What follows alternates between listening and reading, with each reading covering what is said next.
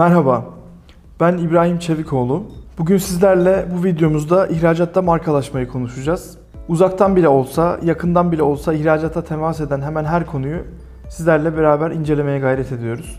Markalaşma konusu, marka konusu esasında bizlerin de hizmet aldığı bir konu.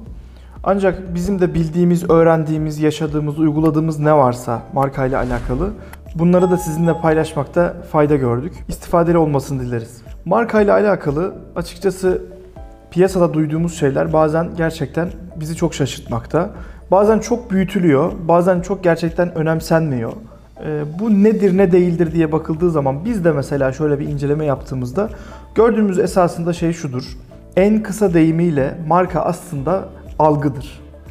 Yani siz mesela odada değilken insanlar arkanızdan ne konuşuyorsa sizinle alakalı benzer şekilde firmanızla alakalı da ne konuşuyorlarsa, markanızla alakalı ne konuşuyorlarsa bu algı aslında sizin markanızdır. Ürünle alakalı veya firmanızla alakalı. Bu açıdan bakacak olursak aslında marka soyut bir şey. Finansal karşılığı olan bir şey aslında değil. Şirketin finansal bilançosu, geliri veya mevcut varlığı markayla ilintili şeyler aslında değil. Sizin yapmış olduğunuz sosyal sorumluluk çalışmalarından tutun da vermiş olduğunuz mesajın gücü veya şeffaflığınız, yönetim şekliniz bunların her birisi markalaşmaya etki eden unsurlar. İhracatta markalaşmadan önce markalaşmanın genel bazı içeriklerine girmek istiyorum. Marka dediğimiz zaman illa global bir marka düşünmemize gerek yok. Global bir marka da olabilir. Ulusal bir marka da olabilir, lokal bir marka da olabilir. Ama hangisinde faaliyet gösterecek olursak olalım ortak olan şeyler var. Mesela global düşünmek, lokal bir marka olacak olsak bile esasında çok önemli. Çünkü global olarak baktığımız zaman ne kadar lokal çalışırsak çalışalım gelebilecek dünyadaki müşterileri veya rakiplere göre nasıl hareket ettiğimizi çalışmamız gerekiyor. Veya bir global marka olduğumuzu düşünelim. Ne kadar global olursak olalım gittiğimiz coğrafyanın gerçekliklerine ise ona göre davranmak zorundayız. Bir yerde et tüketilmezken öbür yerde etten başka bir şey tüketilmemekte. İstediğimiz kadar zincir olalım, istediğimiz kadar standartlarımız olsun. Bu anlamda lokale uyum sağlamak markalaşmanın gerçekten önemli bir unsuru. Bu anlamda uluslararası pazarlama ile alakalı çekeceğimiz videoda da bu kısma değineceğiz ama ürünümüzün pazara özel adaptasyonunu mu sağlayacağız? Yoksa biz ölçek ekonomisi çalışıp bir standartizasyona mı gideceğiz? Yoksa ufak tefek ürünümüzde oynamalarla globalizasyon stratejisini mi gideceğiz? Bunları ilk baştan bir oturup konuşmak gerekiyor. Esasında firmaların markalaşmaya yapacakları yatırımlar uzun vadede gerçekten bir mali güç olarak da kar karşılarına çıkabiliyor. Mesela Türk Ticaret Kanunu 2012'deki en son güncellenen şeklinde firmaların bilançolarına artık marka değerlerinde işlenebiliyor. Bunu bir uzmana, marka uzmanına ölçtürmek suretiyle markanızın mevcut değeri neyse artı üstüne finansal gücünüz neyse ikisi birlikte bir şirketin devri için gerekli rakam çıkartılıyor. Ee, bu sadece Türkiye'deki küçük bir örnekti. Uluslararası piyasada da markaların bilinirliği, markaların gücü, markaların değeri bununla alakalı çok ciddi araştırmalar yapılmakta. Bir kurum burada ifade etmek isterim.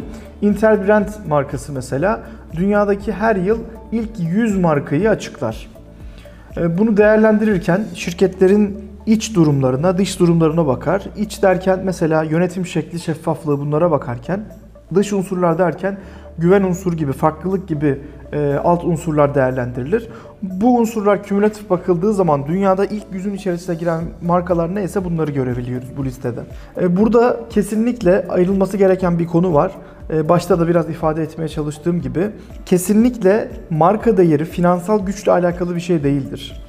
Mesela Uber daha 10 yıllık bir firma ama Coca-Cola'nın yani 100 yıllık bir firma olan Coca-Cola'nın bulunduğu listeye girebiliyor. Neden? Markalaşmaya yapmış olduğu yatırım sayesinde ve marka değeriyle. Belki 1 küsür milyar dolar piyasa değeri varken 4 milyar dolara yakın marka değeri bulunmakta Uber'in. Bunun gibi örnekleri arttırmak mümkün. E, dünyada markalaşmanın standartlarını aslında bu Interbrand veya Brand Finance gibi aslında otoriteler koyuyor. Bunların incelemiş olduğu kriterlere göre firmalar kendilerini yeniden organize ediyorlar. Peki markalaşma kısmından biraz bahsetmiş olduk. Şimdi biraz ihracatta markalaşma e, tarafına geçelim. Her şeyden önce sıfırdan almış olduğumuz bir firmayı marka yapabilmek için en önemli unsurumuz aslında pazarlama stratejisi. Pazarlamaların alt unsurunu genellikle satışla veya reklam vermekle piyasada çok fazla karıştırıldığını görüyoruz. Esasında pazarlama ilk başta marka hiç oluşturulmadan başlanılacak bir süreç. Burada esasında pazarlama için yapılması gereken ilk adım aslında araştırmalar. Araştırma derken de bunu iki e, başlıkta incelemek mümkün. Birincisi kalitatif araştırma dediğimiz, işin içine psikoloji ve sosyoloji bilimlerinin de girdiği derin ve nitelikli araştırmalar. Bir diğeri de kantitatif araştırma dediğimiz istatistikler bazdaki e, araştırmalardır. Mesela bir ihtiyacı tespit etmek için bizim ürünümüzde istatistiksel bir araştırma yeterliyse bir istatistik araştırmasıyla hangi bölgede hangi ürüne veya o ürünün hangi versiyonuna ihtiyaç duyulduğunu ilk başta bizim bir çalışmamız lazım. Bu araştırmaların neticesinde bir e, markalaşma serüveni başlayacak. Çünkü bu araştırma mesela bir hedef kitle karşımıza çıkartacak. Belki logomuzu, belki markamızın adını, belki mottomuzu tamamen bu hedef kitleye göre çıkartacağız. Ve bu hedef kitle içinde biz bir pazar bölümlendirmesi, segmentasyon yapmamız gerekiyor. Bu segmentasyonun içerisinde de bir hedef kitle seçmemiz gerekiyor. Bunun altında da bir marka konumlandırması yapmamız gerekiyor. Yani marka konumlandırması dediğimiz bizim ürünümüzü veya bizim markamızı insanlar kafasında nasıl bir algıda olmasını istiyoruz. Biz ucuz ama sık tüketilen bir ürün müyüz? Yoksa elimizdeki ürün az alınan ama lüks grupta bir ürün mü? Konumlandırmayı bu şekilde baştan doğru oturtmak lazım. Bunları baştan yaptığımız zaman e, aslında firmanın ismini bile, logosunu bile veya mottosunu bile baştan buna göre önce organize etmek gerekiyor.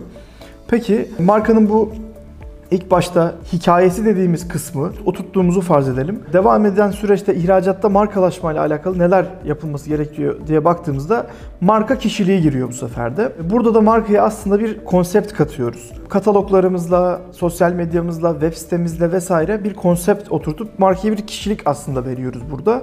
E, burada da dikkat edilmesi gereken aslında kısım şurası. Pazarlama stratejimizi, müşterimizle iletişimimizi kesinlikle bir tasarımcının inisiyatifine bırakmamamız gerekiyor veya bir web designer'ın inisiyatifine bırakmamamız gerekiyor. Burada bizim gerçekten oturup web sitesi içeriklerini veya görsellerin renklerine kadar e, müşteriyle nasıl, bir iletişim kurmak istiyorsak buna göre sıfırdan organize etmek lazım. Bu anlamda tasarımlarımızı, web sitemizi ve diğer bütün tanıtım unsurlarımızı yine dediğim gibi kendimizin çalışmış olması gerçekten çok önem arz ediyor.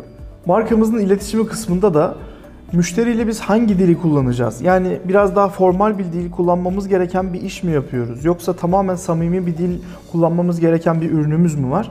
E, bunu baştan doğru oturtmak lazım.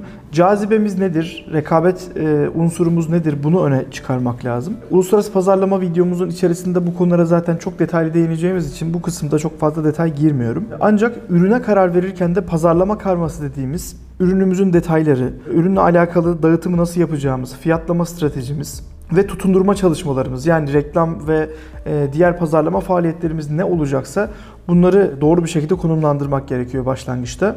Aynı üründe olduğu gibi hedef kitlemizde ve konumlandırmamızda algıyı çok doğru yönetmek lazım. Tabii ki işin içerisinde finans mutlaka olacak. Marka finanstan bağımsız dedik ama finans gücü olmadan zaten marka ayakta kalamayacağı için baştan finans akışını da gerçekten doğru planlamak gerekiyor. Bunların tamamını aslında bu videomuzda özet geçmiş oluyoruz ama çok ciddi detayları olan bir konu. Biz sadece bu konuda gerçekten bilinçlendirme amaçlı bir e, video çekiyoruz. Bu anlamda bizim de istifade ettiğimiz kitaplardan bir e, kaynak tavsiye etmek istiyorum. E, sevgili hocam Ömer Şengüler'in Marka Ol Emi kitabı bizim de çok istifade ettiğimiz bir kitap oldu. Sizlerin de bu anlamda gerçekten merak ettiğiniz noktada danışabileceğiniz çok güzel bir e, başucu eseri olduğunu ifade etmek isterim yeri gelmişken. Ve son olarak müşteriyle kurulan iletişimlerin kayıt altına alınması, bu kayıtların doğru bir şekilde yönetilerek yeniden nasıl bir iletişim stratejisi e, çıkartılacağını baştan doğru konumlandırmak lazım. Bu anlamda CRM programları yani müşteri sadakati programları, müşteriyle alakalı iletişim deneyimini e, kayıt altına aldığımız programları kullanmakta çok ciddi fayda var marka konusunda. Devletimizin de Markalaşmayla alakalı güzel destekleri söz konusu. Yurt dışında bir marka satın almak istediğimiz zaman güzel bir destek var. Benzer şekilde Tur Quality desteği kapsamında belli standartları yakalamış, e, sağlamış firmalara devletimizin gerçekten çok önemli destekleri söz konusu yurt dışında e, özellikle. Bu anlamda markalaşmayı bir sadece kendimizin yapacağı bir çalışma değil, icabında danışmanlık alınacak veya devlet desteğiyle belli yeni atılımların yapacağı bir konu olarak görmekte fayda var. Video izlediğiniz için teşekkür ederim. Bir sonraki videoda görüşmek üzere.